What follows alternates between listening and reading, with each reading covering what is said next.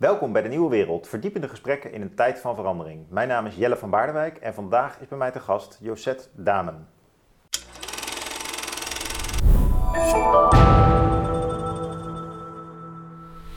Josette, fijn dat je hier bent. Dankjewel. Jij publiceert al een tijdje kritisch over coronabeleid. Vaak uh, genuanceerde, maar ook wel fors stevige stukken. Dus uh, echt uh, in NRC Handelsblad. Jij weet echt binnen het establishment het kritische geluid te laten horen. Dat vind ik wel knap. En daarom heb ik je ook uitgenodigd, want ik ben gewoon benieuwd wat daar nog meer achter zit. Ja. En of je dat nog een keer kan toelichten. Um, vind je het leuk om hier te zijn? Ja, ook wel spannend, maar ik vind het ook wel leuk. Ja, kijk je wel eens naar ons? Ja, ja. De meeste met de filosofen kijk ik terug. Ja, uh, leuk. Ja, want jij bent zelf filosoof. Nou, ik ben eigenlijk politicoloog. Um, dus ik heb in Leiden mijn bachelor politicologie gedaan en ook een master politicologie. En toen heb ik daarna nog een uh, master politieke filosofie in Oxford gedaan. Hm. En dat is dan vooral op de uh, analytische uh, leest geschoeid, zeg maar. Ja, dat is wel ook de grote beroemde universiteit natuurlijk, hè? Oxford. Dus. Ja, ja, daar moest ik wel heen. Het was dat of Cambridge. En Cambridge is dan meer de ja, history of intellectual, of intellectual history, of Ja. history of political thought. En ik ben meer echt van de, ja, de normatieve politieke filosofie. Zelf nadenken. Ja, Toch? En Ja. geschiedenis. Hey, voordat we losbranden over coronabeleid, nog even voor de kijker. Eh, we zijn nog steeds bezig met de oudejaarsactie en we vinden het geweldig als jullie nog wat willen overmaken. Eh, ik heb het al een paar keer gezegd, maar het geld is echt bedoeld voor de infrastructuur hier. We maken hier ontzettend veel programma's en we kunnen jullie eh, bijdrage daarbij goed gebruiken. Eh, onderschat niet dat we ze het hele jaar door gaan gebruiken. Dus elke dag weer kunnen jullie mooie gesprekken met ons zien. En dat is mede dankzij deze gift. Natuurlijk niet alleen maar mede dankzij deze gift. Want als je lid wordt, dan kunnen we ook reclames laten zien op YouTube. We begrijpen ook dat je die snel doorspoelt. Maar eh, dan hebben we toch nog een beetje inkomsten door het jaar heen. En daar doen we het mee.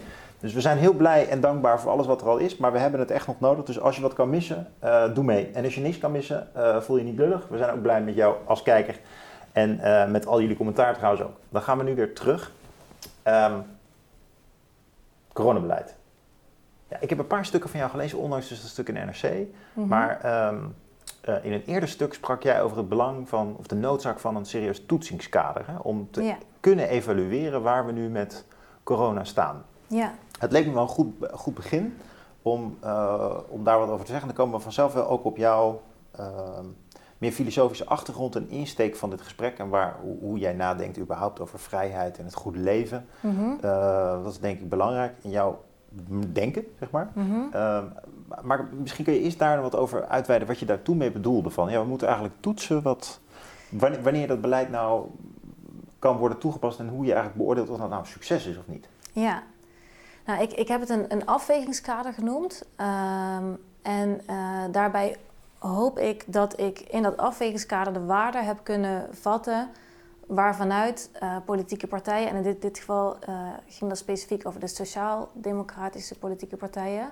Want dit is geschreven voor eh, Socialisme en Democratie, dus het, wetenschappelijke, of het blad bij het wetenschappelijke bureau van de PvdA. Ehm, waarbij partijen vanuit hun waarden kunnen kijken wat nou een goed coronabeleid of een goede corona-aanpak zou kunnen zijn. In plaats van dat ze zich steeds laten eh, overvallen, eigenlijk met hele scherpe keuzes die ze dan à la moment moeten maken. Ehm, en ehm, waarbij die waarden vaak op de achtergrond raken, omdat we ons vooral lijken te laten leiden door de feiten en door de cijfers.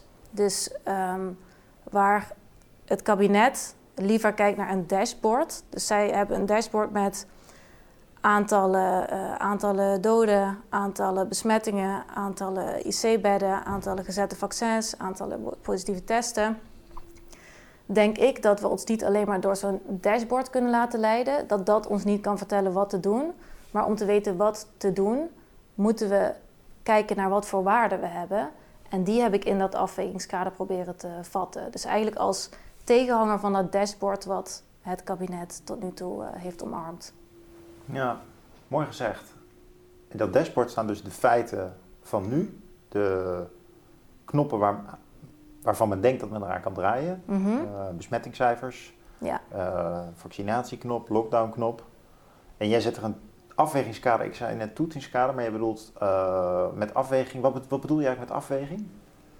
nou ja, ehm, die coronacrisis, die pandemie, die confronteert ons met moeilijke keuzes. en wil jij een, een keuze maken, dan uh, het, het, is pas een moeilijke keuze als er een bepaalde afweging is. Dus als uh, welke optie je ook kiest, die heeft voor- en nadelen. En die moet je tegen elkaar afwegen en daarom noem ik het een, uh, een afwegingskader. Ja. Dus anders dan bij dat dashboard waar het heel overduidelijk is wat we moeten doen, want er is hier een rood lijntje en er is hier een, een een lijn van de, van de uh, besmettingen. En als die daar opkomt, nou, dan, dan volgt er een lockdown. Zo is dat dus niet in dat afwegingskader waarbij je erkent dat er bij elke maatregel zowel uh, baten te verwachten zijn als kosten en dat je die tegen elkaar afweegt.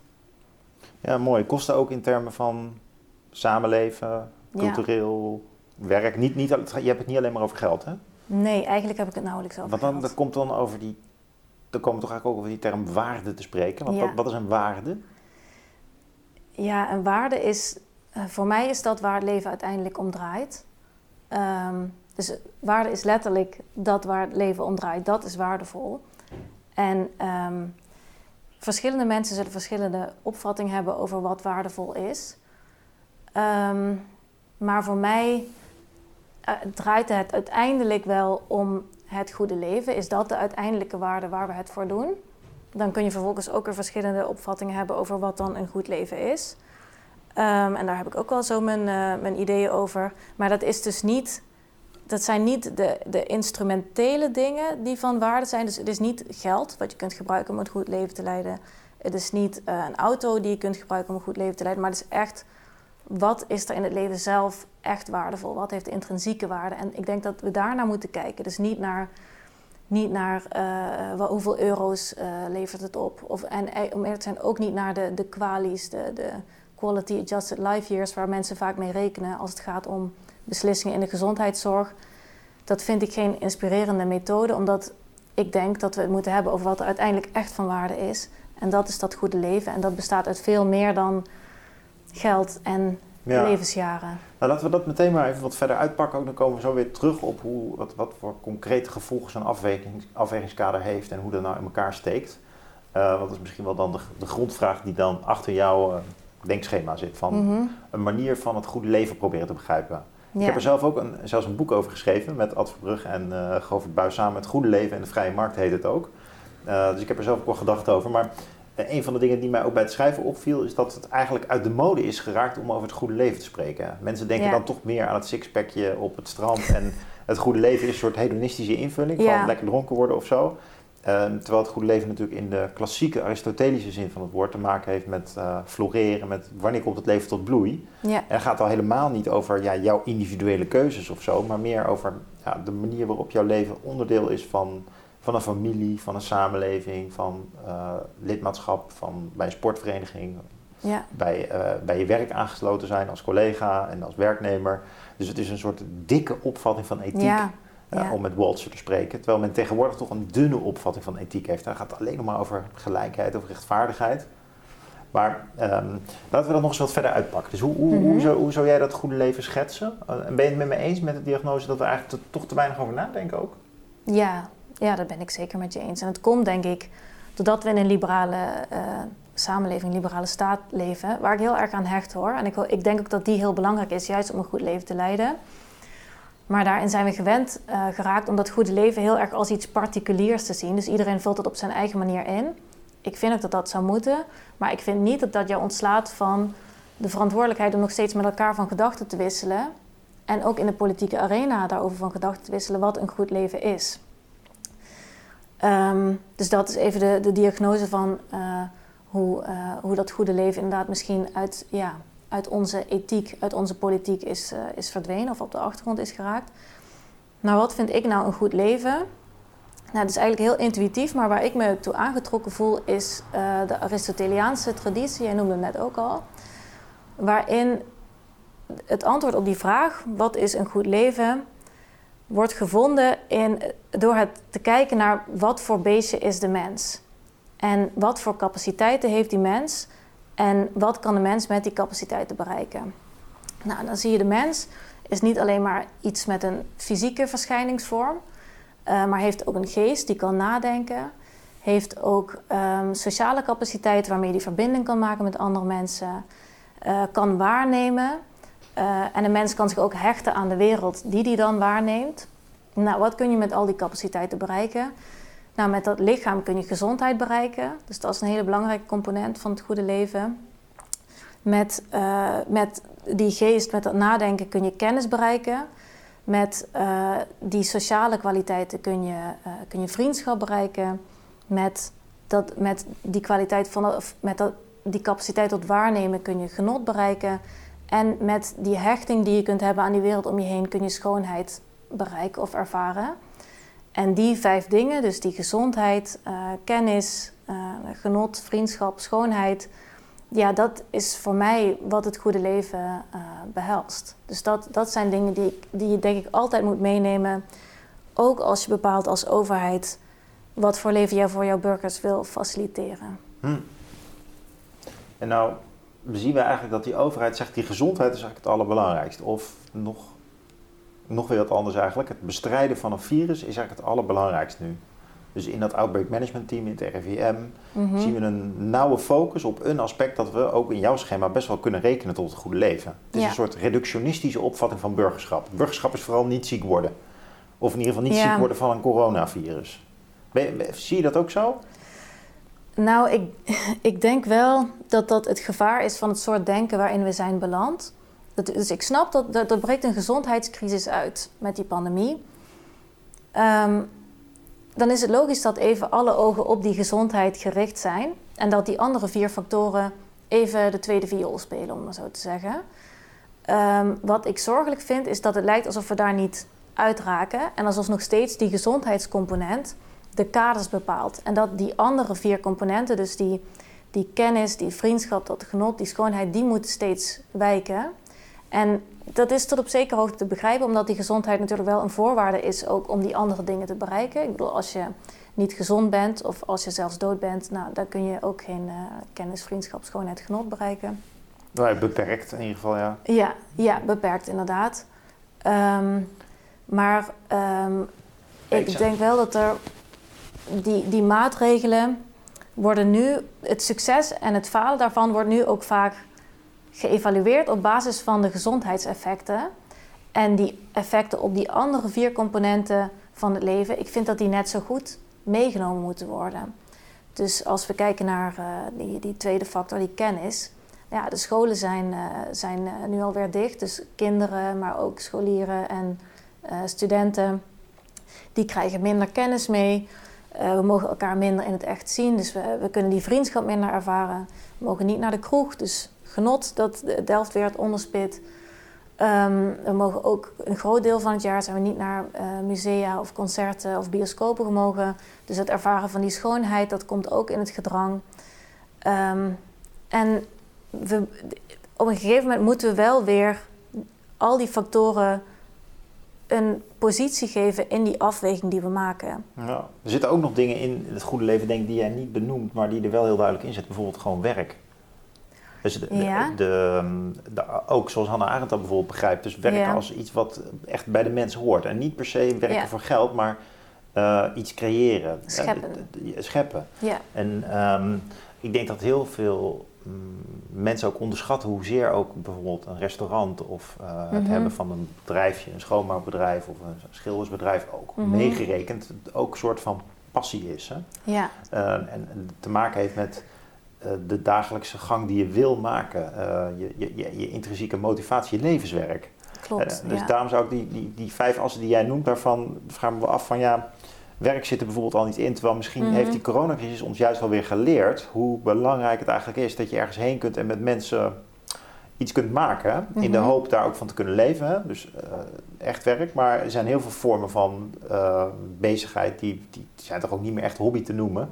Kunnen ook niet meer echt. Hè? Mm-hmm. Dat, ja.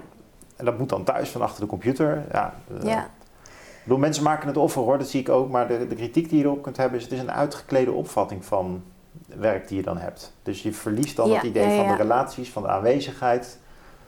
Uh, dat moet allemaal gecompenseerd worden. En dat is ook met kennis zo trouwens. Dus er is natuurlijk nog steeds kennisoverdracht. Mijn kinderen hadden in die lockdown nog best plezier met thuisschool. Uh, maar het wordt wel heel erg... wij hadden na anderhalf, twee uur dan wel het idee van thuis van nou alle werken zitten er wel op. En dan hadden we mhm. nog een uur soort praten met de juf. Mhm. En we vroegen ons af, wat doen die kinderen eigenlijk de andere uren op school, joh? Want we Ja. zijn al lang klaar. en ehm, toen dacht ik over, ja, het zijn natuurlijk allemaal rituelen, op elkaar wachten, Ja. eh, met elkaar hangen, met elkaar zingen, met en dat, ehm, sociaal stoeien, nog meer wachten, pauzeren. Ja, dat wordt allemaal, dat telt dan niet meer. Ja, ik weet niet of jij dat ook zo ervaren op, op de universiteit, maar daar is natuurlijk het studentenleven is ook in de pauze samen kletsen, de krant doornemen, je docent belachelijk maken, eh, Ja. argumenteren. ja, En dat, wordt allemaal afgesneden. Dus ja. ja, kennis is er nog wel, maar ook alles wat er, de, de, de belichaming daarvan, op een plek met mensen die je anders misschien ook niet beter zou leren kennen en wat ook dus niet gebeurd is. ja. Het is een enorme kaalslag voor het studentenleven dus. Ja, zeker. Ja, die, die verbinding die mensen vinden, ook bij het beoefenen van al die componenten, om maar zo te zeggen, die valt weg. Want vaak kun je inderdaad, je hebt gelijk, we kunnen die, die individuele componenten nog wel bereiken, maar op een heel kale, geïsoleerde manier, die toch niet echt the real thing is, om maar zo te zeggen. Tenminste, zo ervaar ik dat zelf ook wel. Dus Ja. het deel van mijn, van mijn baan, dus in de academische wereld, ja, dat, het, is niet, het is inderdaad niet alleen maar dat ik zit te lezen en te schrijven. Het is ook dat ik daar met mensen over praat. Nou, nu kunnen wij met elkaar praten, maar eh, vier van de vijf dagen zit ik gewoon eh, thuis in mijn eentje. In isolement. Ja. ja. En daar hebben wij academici nog goed. Hè? Ja. In zekere zin, want we kunnen nog bellen. En dan eh, Ja. nou, heel veel mensen die gewoon in, op een communicatieafdeling werken of eh, ergens anders in een bureaucratie een bepaalde rol hebben, ja, die zitten opeens niet meer gezellig in het team. Mhm. Omdat wij toch al redelijk solistisch werk doen, heb ik Ja. er dan toch minder me- medelijden mee dan mensen die eigenlijk communicatief werk doen. ja. En misschien ook wel voor een deel afstompend werk. Net ook veel mensen die werk doen omdat ze geld moeten verdienen. En ze vinden Mhm. het ook wel leuk. ja. Eh, anders zouden ze het niet doen. Eh, dat natuurlijk ook mee, je moet ook meenemen dat een hoop mensen werken alleen maar voor het werk en misschien niet eens meer leuk vinden. Maar laten we ervan uitgaan dat de meeste mensen er wel eer aan, ont, eh, aan ontlenen en, en ervaren. Mhm. Ja die, ja, die zitten nou opeens ook in een heel klein schema, op een heel klein eh, randje van de puzzel. ja. En dan kan werk dat toch al niet zo heel boeiend was, opeens heel geestdodend worden. Omdat je niet zit te grappen met die leuke collega. ja. Wat natuurlijk ook bij werk hoort. Hè? Dat je, Ja, ik hoor het ook al van veel vrienden van mij die nu ineens hun werk niet meer leuk vinden. Die dachten altijd dat ze het leuk vonden en dan nu blijkt dat ze eigenlijk vooral het sociale gedeelte leuk vonden. ja. Nou, dat is dan wel een winst als je dat ontdekt. Ja, Oké, dat goede leven dat heeft dus te maken met die dimensies. Dus een, een leven dat tot bloei komt in de zin van het artistieke verkennen, het sociale verkennen. Mhm. Ehm, eh, belangrijk is ook kunnen denken. En ehm, eh, dat leven komt onder druk te staan, wordt versmalt. Ehm, maar nu zeg jij, er zou eigenlijk een afwegingskader moeten komen dat naast dat dashboard staan, waarin waarden, eh, die je dan neem ik aan uit dat goede leven haalt, ehm, meer gebruikt moeten worden om bijvoorbeeld de afweging te maken, moeten we nou wel of niet een lockdown? Nee. Maar, en hoe, hoe zie jij die relatie? Welke waarden komen dan uit dat goede leven naar boven voor in dat afwegingskader? Kun je dat eens concreet maken? Ja, nou die, dat, dat goede leven, dat is om eerlijk te zijn meer mijn, mijn persoonlijke eh, overtuiging binnen de ethiek. En dat afwegingskader, dat heb ik echt gemaakt eh, op verzoek van de Wiardi Beckman Stichting. Dus een sociaal-democratisch wetenschappelijk bureau. Dus daarom heb ik daar vooral de sociaal-democratische waarden in proberen te, eh, Hmm. terug te brengen. En daarbij kijk ik naar vrijheid. En dat splits ik dan weer op in persoonlijke vrijheid, dus vrijheid op het individu- individuele niveau. Collectieve vrijheid, dat gaat over de democratie. En morele vrijheid, dus de vrijheid om zelf invulling te geven aan jouw verplichtingen jegens anderen. Eh, dus in die sociaaldemocratie is dat vrijheidsbegrip heel, heel dik, ook weer om, om het maar zo te zeggen, anders dan, dan in het Ja. liberalisme. Maar wel weer dunner dan ons goede leven begin van net, hè? Ja, Dus maar Ja. we, we houden het even bij dik ten opzichte van de VVD-opvatting, hè? ja, Ehm, dus dit, het is op zich wel interessant dat een PvdA, een partij zegt, die, die zich toch niet echt gemengd heeft in het coronadebat, dit aan jou gevraagd heeft. ja, het is het wetenschappelijk bureau van de Partij van, van, de, Partij van de Arbeid, of Oh ja. voor de Partij van de Die lopen Arbeid. altijd wat vooruit op de politici. Ja, en zij zitten natuurlijk ook op dat. eh, het gaat hen om die waarden. En het is ook bij die andere wetenschappelijke bureaus zo, want ik heb al contact met meer van die wetenschappelijke bureaus. En daar zitten echt mensen die nadenken over die ideologische waarden waarop die politiek gebaseerd zou, zou moeten zijn vanuit die partij waar zij bij horen. Ik denk dat het probleem vaak zit in dat in eh, de alledaagse politiek ehm, niet per se die beslissingen voortvloeien uit die waarden. Dus die beslissingen zijn toch vaak, eh, worden die in een soort, ja, in, met corona in ieder geval, in een soort crisissfeer genomen. Ehm, waarbij dat niet een, een, hele diepe reflectie is ehm, op die waarden waar die partij eigenlijk gebouwd op is. Ja, dat is wel pijnlijk voor de PvdA. Ja, maar voor alle partijen. Ik denk, ik vind om meer te zijn, ben ik nog wel teleurgesteld in VVD en D66 wat dit betreft dan in, uh, dan in de PvdA. Want ik denk dat die liberalen hier een heel, ja, een heel belangrijke taak laten liggen op dit moment. Namelijk die verdediging van die grondrechten. En ehm, je ziet juist dat VVD en D66, onze liberale partijen, dat die de grootste voorstanders zijn van neem een systeem als 2G. Uh, eh, dus waarbij alleen maar herstelde of, uh, of tegen corona gevaccineerden nog welkom zijn. Dat is echt een grote grondrechtsinperking. En je verwacht van de liberalen, die klassiek gezien um, uh, kritisch staan tegenover die staatsmacht, dat die die grondrechten pas als allerlaatste zouden willen aantasten. Maar het lijkt wel alsof er nu bij die liberalen dus geen dam wordt opgeworpen. En ik denk dat zij wel die rol hebben. Ik denk ook dat die andere stromingen een rol hebben om op, uh, op andere factoren te wijzen, die misschien zelfs wel eerder juist voor een lockdown of vaccinatieplicht of wat dan ook zouden pleiten. Maar die liberalen, ja, die, die mis ik heel erg in het debat. Hmm. En daarom heb ik zelfs in dit afwegingskader, wat al is het geschreven voor uh, de Sociaaldemocraten, heb ik ook wel een grote plek gegeven aan die grondrechten. Ja, want dat is eigenlijk de, term, de termen waarin de liberaal spreekt over politiek. Ja. Grondrechten. Terwijl jij eigenlijk zelf wil, om, jij wilt dat oprekken en over vrijheid überhaupt spreken. Die... Ja, dus het is een deel van, mijn, van het afwegingskader. Ja. Maar pak ze eens uit. Dus uh, jij zegt persoonlijke vrijheid, collectieve vrijheid mhm. en morele vrijheid. Nou, persoonlijke vrijheid kan ik me voorstellen dat dat vrij gemakkelijk uit te leggen is, want dat is... Nou ja, die persoonlijke vrijheid... Ehm, die kun je dan weer opsplitsen in uh, negatieve en positieve vrijheid. Um, en die positieve vrijheid hebben we het al over gehad. Dus dat is de vrijheid die je hebt om daadwerkelijk een goed leven te leiden. Dus dat zijn uh, kansen. Niet, dus het gaat niet alleen maar om met rust gelaten worden door anderen of met rust gelaten worden door de staat, maar echt om de reële kansen die er in jouw leven aanwezig zijn. Om, uh, ja, er moet een sportschool zijn, een school überhaupt, een leuke docent die jou motiveert om het meeste eruit te halen. Ja. Dat is allemaal positieve vrijheid. Ja. En negatieve vrijheid is dat anderen jou niet beperken. Ja. ja, jou niet beperken of niet dwingen dingen te doen die jij niet wil. En die collectieve vrijheid dan, hoe begrijp je die? Uh, als de democratische rechtsstaat. Dus ah, vooral dat wij samen als collectief vormgeven aan ons gemeenschappelijk leven. Nou, dat lijkt te mis in coronatijd.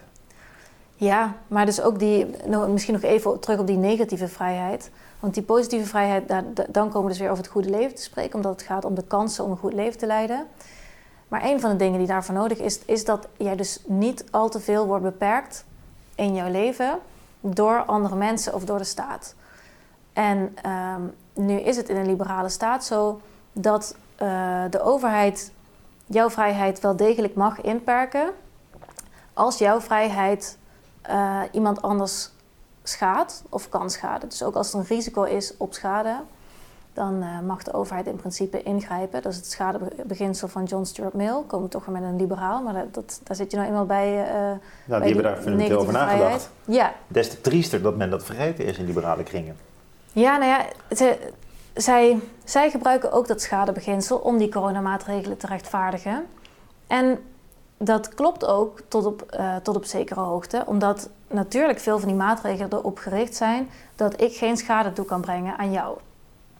En dat het risico dat ik schade toebreng aan jou, dat dat verkleind wordt. Dus, ja, daar gaat het en dan gaat het vooral om het risico dat ik jou zou besmetten met corona, jij ziek zou worden of misschien zelfs dood zou gaan. Die taxatie is uh, wiebelig. Maar... Nou ja, ik denk dat uh, dat wel degelijk legitiem is, maar we moeten ons realiseren dat we nooit een volledig schadevrije samenleving gaan krijgen. Dus we krijgen dat risico nooit helemaal naar nul.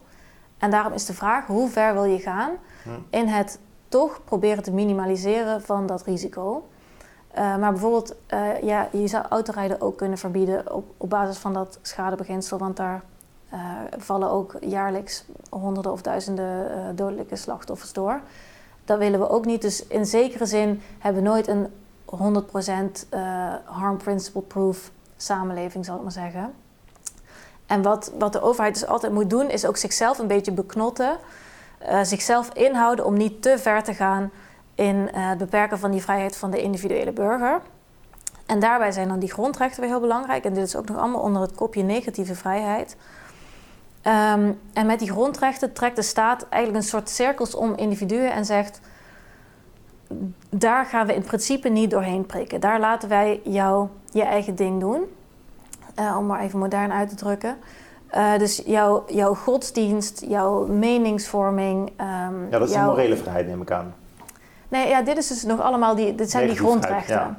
Dus uh, de staat zegt: we gaan in principe laten we jou helemaal vrij in jouw keuze voor een bepaalde religie. We laten jou helemaal vrij met wie jij wil vergaderen. We laten jou vrij om jouw mening te uiten. Ook over bijvoorbeeld corona, hè? Ja. Dus we laten jou vrij om je te verenigen om alternatieve perspectieven op coronabeleid te ontwikkelen. Ja. En je mag je kritiek daarop uiten. Dat valt allemaal onder die negatieve vrijheid. Ja. Want Ja. tegenwoordig is men toch wel geneigd om te zeggen, nou, die kritiek die hou je maar echt voor jezelf. Die mag je niet meer delen. Maar dat, het is juist heel liberaal dat daar wel plek voor is. Ja, ja zeker.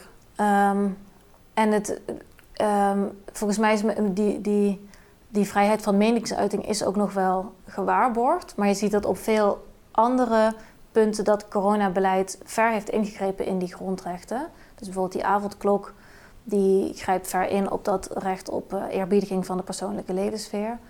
Eh, wat hebben we nog meer? We hebben de, beperking op groepsgrootte, dat grijpt natuurlijk in op eh, het recht op vrije vergadering. Vaccinatiedrang rij- grijpt in op het recht op lichamelijke integriteit. En het ingrijpen op zo'n grondrecht, het beperken van zo'n recht, dat is niet per se het schenden van zo'n recht. Dat is wel belangrijk om te zeggen. Dus het is pas schenden als er niet aan strenge voorwaarden is voldaan waar zo'n grondrechtsinperking altijd aan moet voldoen. Maar ik denk dus wel dat je bepaalde vraagtekens kunt stellen. Want hoe definiëren ze dat dan? Die voorwaarden, Ja. Is dat Nou. gewoon dat, dat er een paar handtekeningen onder moeten staan? Of, Nou, in Nederland is het zo dat zo'n grondrechtsinperking bij wet moet zijn voorzien. Eh, dus dat betekent dat het parlement een wet moet hebben goedgekeurd waarin die grondrechtsinperking is vervat. Ehm, en wat moet het parlement nou doen om te kijken of, of dat, eh, of dat oké is dat dat grondrecht wordt ingeperkt, dat die wet dus wordt goedgekeurd? Nou, ten eerste kijkt het parlement, eh, dient die inperking een legitiem doel? Ten tweede kijkt het parlement, is er voldaan aan het subsidiariteitsbeginsel? En dat betekent dat er geen, eh, geen minder ingrijpend middel mag zijn om dit doel te bereiken. En ten derde, ehm, is dit middel proportioneel tot dat doel? En dat moet het parlement dus elke keer afwegen voordat ze zo'n wet goedkeuren waar, waarmee zo'n grondrecht wordt ingeperkt. Dan laten we ze toch nog even uitpakken, want ik vind het wel Mhm. een interessant rijtje. Beginnen bij de laatste, proportionaliteit. Kun je er nog toelichten? Wat, wat is dat nou? Ja, uiteindelijk dat de, dat de kosten van, eh, van die grondrechtsinperking niet groter zijn dan de baten.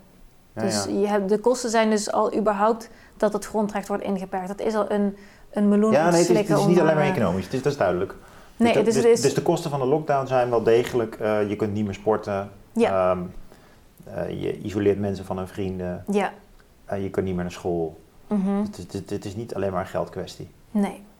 Nou, en dan kun je toch wel zeggen van hoe proportioneel is die maatregel? Dan kun je wel degelijk eh, die, die vraag inderdaad stellen. Ja, dat ligt, er- dat ligt, er- verschilt heel erg per maatregel. Maar deze lockdown die we nu Ehm. hebben bijvoorbeeld, zou jij zeggen van die is, kan die door de proportionaliteitstoets? Kan je natuurlijk gewoon zeggen, Nou, je kan zeggen van nou ja. volgens mij wel. Dat is, dat, Nou, wat heel moeilijk is bij deze lockdown en eigenlijk ook met het coronabeleid in het algemeen, is dat we heel veel kennis niet hebben van tevoren.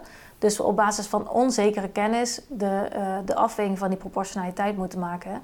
Dus het kan zijn dat zo meteen blijkt dat die omikron eh, helemaal niet eh, zo ernstig is. Er zijn gelukkig nu signalen die daarop wijzen, maar we weten nog niet hoe het dan met die besmettelijkheid zit. Waardoor dit uiteindelijk disproportioneel blijkt te zijn. Het kan ook zo zijn dat het toch allemaal veel, veel erger nog, nog lijkt dan, dan we nu denken. Ehm, en dat, dat we zouden kunnen zien, oh, anders waren de ziekenhuizen dit keer echt overstroomd. En dan zou het wel een proportionele maatregel kunnen zijn. Dus het moeilijke is dat je toch met de best beschikbare informatie van, eh, van dit moment moet jij dan zo'n keus gaan maken. Ja, oké, die andere subsidiariteit, dat, Mhm. eh, in dit verband is dat dan eh, iets moet worden opgepakt op een niveau dat dicht bij het probleem zit, zei je dat nou? Nee, dat is dat er geen minder ingrijpende eh, alternatieven zijn. Geen minder ingrijpende alternatieven. Ja. Dus zo'n lockdown is natuurlijk uh, heel, Ja. heel erg ingrijpend. Dus je moet eigenlijk eerst kijken, zijn er geen minder ingrijpende manieren om dit voor elkaar te krijgen? Maar die zijn Ja. wel te bedenken, toch? Ik bedoel, je kan Nou- zeggen van, nou, bijvoorbeeld eh, lockdown wel, maar niet voor scholen. Ja, ja. Nou, en ik denk dat we ook op dit punt moeten gaan nadenken over een structurele aanpak van, van dit probleem. Ehm, omdat nou, die lockdown is een heel, heel vergaande maatregel, zelfs al zou je de scholen wel openlaten. Ehm, terwijl als we twee jaar geleden of anderhalf jaar geleden meteen waren begonnen met het opschalen van die IC-capaciteit. En ik weet, dan komt altijd eh, de, het argument van ja, maar je, je kunt geen blik verpleegkundigen opentrekken. Maar als daar vroeger mee was begonnen, dan hadden we daar nu wel degelijk iets aan gehad. Dus ik vind dat bij dat verkennen van die alternatieven, moeten we ook nu echt op die lange termijn gaan denken. En vind ik dat we het kabinet ook niet meer langer moeten laten wegkomen met. Ja, dit is, dit is de enige optie. Want begin dan in ieder geval nu met voorkomen dat we in de toekomst Ja, een wat grotere buffer hebben om dit soort. want we hebben nu alleen nog maar dat paardenmiddel. Ja, En wat was die eerste toets nu, naast proportionaliteit en subsidiariteit? dat het een legitiem doel dient. Een legitiem doel. Ja, En dat is dus, ja, dat is nog wel een grote vraag, hè? ja Of gaat het is. nu om het eh, omlaag halen van de besmettingscijfers? Gaat het om het vrijhouden van de ziekenhuizen? ja, Waar is het beleid eigenlijk op gericht? ja daar, eh, daar hinkt het kabinet op twee benen heel erg. Dus aan de ene kant hebben ze vaker gezegd dat het gaat om het eh, binnen de IC-capaciteit blijven. En aan de andere kant, eh, als mensen zeggen: Oh, dus jullie laten iedereen besmet raken totdat de IC's overstromen, zeggen ze ook Nee, nee, nee. Nee, we sturen ook wel op die besmettingscijfers. Maar het is een beetje onduidelijk wat het nou precies is. In dit geval is er wel degelijk op die besmettingscijfers gestuurd omdat er een nieuwe variant is en ze niet weten hoe die besmettingscijfers zich zullen vertalen in, eh, in die IC-capaciteit. Maar ja, dus inderdaad, het legitieme doel zou dan zijn om ofwel de besmettingen ofwel de IC-opnames binnen de perken te houden. En dan moet je dus eigenlijk ook goed, goede aanwijzingen hebben om te denken dat dit zal helpen. Ja. Ja, want dat is inderdaad nog een andere vraag. Wat is de effectiviteit van de maatregelen? Ja, ja, dat is dus wel heel belangrijk dat dat is vastgesteld. En daar spelen dan die modellen van het RIVM een belangrijke rol in. Ehm, want we hebben. eh, we- de- over die lockdowns is inmiddels wel wat empirisch onderzoek hoor. Dus we weten wel eh, in hoeverre zoiets effectief kan zijn, in ieder geval in verschillende samenlevingen. Is toch de vraag of je dat één op één naar Nederland kunt vertalen. Maar bij bijvoorbeeld zoiets als 2G ehm, is er echt geen empirisch bewijs dat dit eh, ervoor zorgt dat die besmettingen en die IC-opnames naar beneden gaan of binnen de perken blijven als je de samenleving verder opengooit. En is dat puur op basis van modellering van het RIVM, met modellen waar ook nog wel wat op aan te merken valt, heeft eh Follow the Money ehm, aangetoond. En dan ga- loop je dus eigenlijk al de mist in bij die allereerste eis, dat het een legitiem doel dient. En dan hoef je het eigenlijk over die andere twee eh, niet eens meer te hebben. Hm. Ja, dat 2G zou je kunnen zeggen wordt verantwoord als eh, nudge om mensen aan te zetten tot vaccinatie. Nou, dat zeggen ze van niet. Nee, maar dat is natuurlijk officie dat is officieus natuurlijk wel het doel, toch? Ja, dat is toch duidelijk? Nou ja, dat, Dus dat ga je wel denken als je dus hoort dat die onderbouwing van dat 2G zou helpen om de besmettingen en de eh, ziekenhuisopnames lager te krijgen. Dat dat dus een hele dunne onderbouwing is. Dan ga je denken, oké, wat is dan wel het doel? Nou, zou het dan zijn stiekem om die vaccinatiegraad op te krikken? Maar dan kun je nog steeds afvragen of dit gaat helpen. Want het kan mensen ook juist nog verder ver- vervreemden van die overheid. Hm. Want ineens krijgen die ongevaccineerden eh, ook nog eens de boodschap van wij, willen jou er niet meer bij hebben. Eh, die vinden het alleen maar eh, extra verdacht wanneer de overheid zo'n maatregel introduceert. Ik denk dat die juist eerder minder vertrouwen krijgen in dat vaccin door dit soort maatregelen. Ja, dat denk ik ook. Dat denk ik ook. Dus dan opnieuw ga je Heb dat je het idee dat dit soort overwegingen worden meegenomen bij het Outbreak Management Team? Ehm, die toets van, die, van, die, eh, van het legitieme doel, van die subsidiariteit en van die proportionaliteit, nauwelijks. Want dat, daar, weten zij, eh, daar weten zij weinig van. Het zijn medici. Ehm, hoewel je wel zag, bijvoorbeeld juist toen 2G net op tafel kwam, dat individuele OMT-leden zich gingen uitspreken, ook in de media, tegen speciale maatregelen voor ongevaccineerden. En toen dacht ik, Dat, ik vond dat heel opvallend. Hm. En ik, ik weet niet, ik, ik ben zelf eh, geen voorstander van 2G, absoluut niet. Maar ik weet niet of ik het toejuich dat die OMT-leden ook dit soort afwegingen gaan, gaan maken. Omdat zij daar niet de expertise voor hebben, maar al helemaal omdat zij daar niet de democratische legitimiteit voor hebben. Dus juist het parlement wat deze afweging moet maken. En ehm, ik vind dat het OMT zich eigenlijk zou moeten beperken tot het uitdenken van verschillende scenario's of het berekenen van oké, wat verwachten wij dat deze maatregel nou zou opleveren op het gebied van gezondheid uh, versus die andere maatregel wat, wat dat zou opleveren of kosten. Maar wat we nu zien is dat het OMT niet alleen maar die berekeningen maakt, het OMT kiest ook. Of spreekt in ieder geval een voorkeur uit. En 9 van de 10 keer neemt het kabinet die voorkeur over. Ja, het kabinet heeft dat denkkader, zoals jij dat bijvoorbeeld schetst, ook niet. Hè? Dus die lijken niet die opvatting van het goede leven uitgewerkt te hebben in hun. Nee. Die, die denken inderdaad in termen van keuzes, niet in termen van dilemma's tussen keuzes waar waarden achter schuil gaan. Of, of misschien half, maar. Nou, zij, ik denk dat zij niet echt het idee hebben dat ze heel veel keus hebben. Dat is in ieder geval hoe ze het presenteren aan, uh, aan de samenleving steeds. Want wat we dan zien is dat uh, nou ja, de besmettingen lopen uit de hand. Uh, het kabinet komt in crisisfeer bijeen. Uh, het OMT wordt bijeengeroepen. Er volgt binnen een paar dagen dan zo'n advies. het kabinet neemt dat over. we krijgen een persconferentie. Waarbij Hugo de Jonge en Mark Rutte ons vertellen... jongens, we vinden het heel vervelend, maar het kan nu niet anders. we staan met de rug tegen de muur. This is it. En vervolgens gaat de Kamer daarover debatteren... Maar de Kamer staat inmiddels ook met de rug tegen de muur, want iedereen, OMT, kabinet, samenleving, zegt en denkt: er is geen andere optie. Dus daardoor gaat dat hele waardegedreven debat ook de mist in, omdat er toch wel een idee is dat er geen andere optie is. Ja, hoe komt dat? Waar komt dat there is no alternative vandaan? Ja, je zou het uh, uh, gewoon klassieke uh, neoliberale bestuursmentaliteit kunnen noemen. Of rationaliteit. Um, dan kun je dat eens uitpakken, want dat is een term die vaak wordt gebruikt. Hoe interpreteer jij die dan? Um, nou, als depolitisering eigenlijk. Dus het idee dat we niet zozeer verschillende, verschillende opties hebben waar we tussen we kunnen kiezen. Maar er is één weg waar we eigenlijk wel allemaal over uit zijn dat dat, dat dat de weg is die we moeten bewandelen. Wat zoeken we? Iemand die ons daar zo efficiënt mogelijk overheen kan managen. Wie is dat? Dat is natuurlijk Mark Rutte, want die is hartstikke, hartstikke efficiënt en flexibel en die heeft niet zoveel, zoveel ideologische bagage die hem in de weg zou kunnen staan. In plaats van dat we uh, niet op zoek gaan uh, naar degene die ons het beste over die ene weg kan managen. Maar dat wij zeggen, oh, er is hier een route, daar een route, daar een weg. Oh, daar gaan we een hele andere richting op. Laten we het gesprek voeren welke, welke kant we überhaupt op willen. Maar nu suggereer je wel dat er heel veel handelingsopties zijn. Maar dat is misschien ook niet helemaal waar.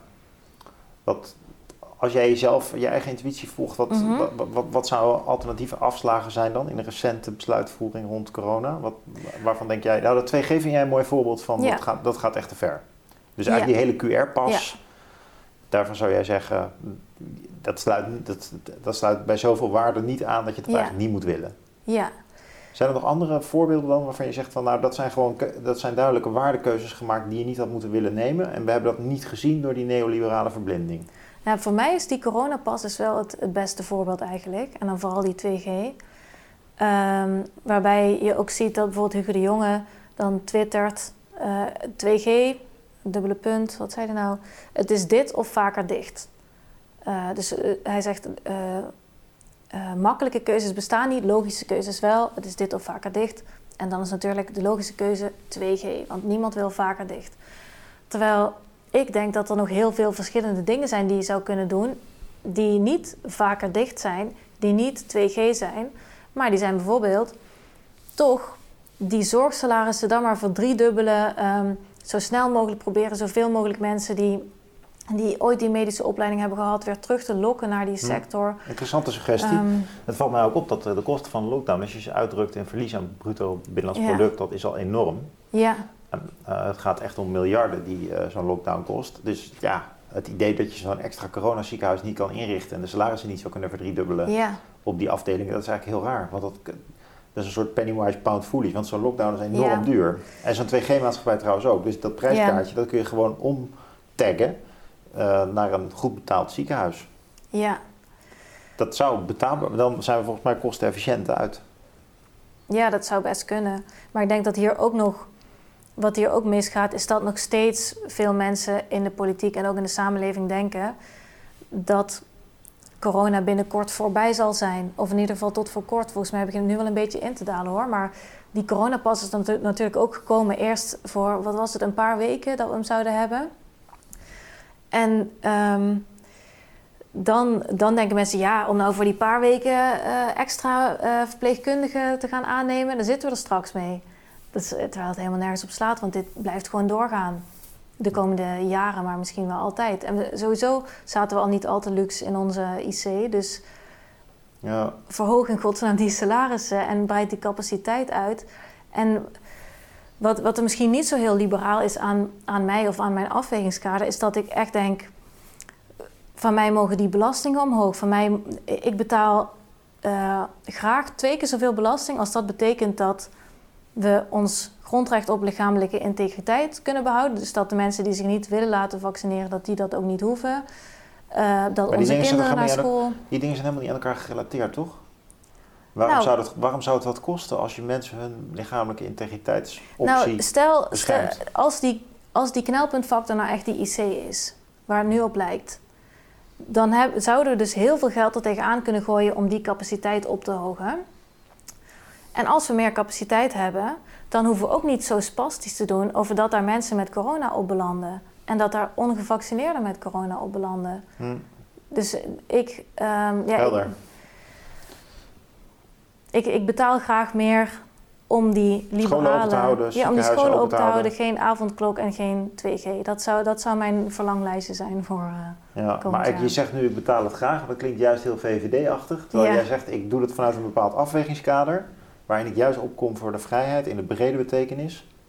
Maar niet alleen voor vrijheid eigenlijk. Hè? Want we hebben ook die andere dingen besproken. Dus ook ja. dat je kunnen ontplooien op de manier die eigen is aan mensen. Mhm. Denken, je kennis ontwikkelen, eh, sporten, vriendschappen sluiten. ja. Dus, dus eigenlijk gaat het over meer dan alleen vrijheid wat jij inbrengt tegen Ja. het beknellende coronabeleidkader. Ja, ik breng het onder, in dat afwegingskader onder die titel vrijheid. Omdat dat de, eh, eh, de terminologie is waarin de sociaaldemocratie vaak eh, in wordt gesproken. Dus het, het, vrijheid heeft natuurlijk vooral ook die... eh, het, het klinkt heel liberaal, maar ook in de sociaaldemocratie is dat een, een groot begrip. Alleen eh, vullen zij het heel erg rijk in. Hm. Maar daar valt dus ook de, de democratie onder en ook het goede leven en ook die verplichtingen aan andere mensen. En vooral dat er niemand in die samenleving vergeten wordt. Ja, het verschil misschien is dat een PvdA of iemand die in die sociaaldemocratie staat ook nog opkomt voor gelijkheid en zorg, zorgzaamheid. Terwijl een Ja, echte liberaal die zal natuurlijk zeggen van geweldig, dat, daarom heb jij het ook flink slim gesplint, gespind. Dat je zegt van het gaat om vrijheid, maar dan eh, royaal begrepen. mhm.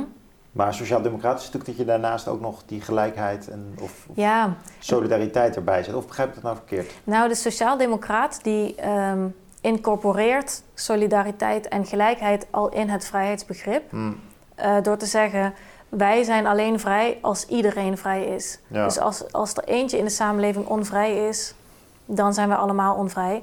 En de Hm. liberaal die zegt, nee, dat is gewoon één iemand onvrij. Het gaat met de rest toch hartstikke goed. Dus dat is eh, ja. maar Zo kun je het aan elkaar definiëren. Ja, En Josette, geweldig dat je hier kwam toelichten dat je dus ook vanuit een sociaal-democratisch denkkader eh, veel rijker naar het coronabeleid kan kijken en die kritische punten nog steeds kunt maken. Waarbij dus eigenlijk al die grondbegrippen van de echt standaard liberaal en ook wel de, het expertise denken nog gewoon meeneemt. Want die hebben nog steeds hun plek daarin. Mhm.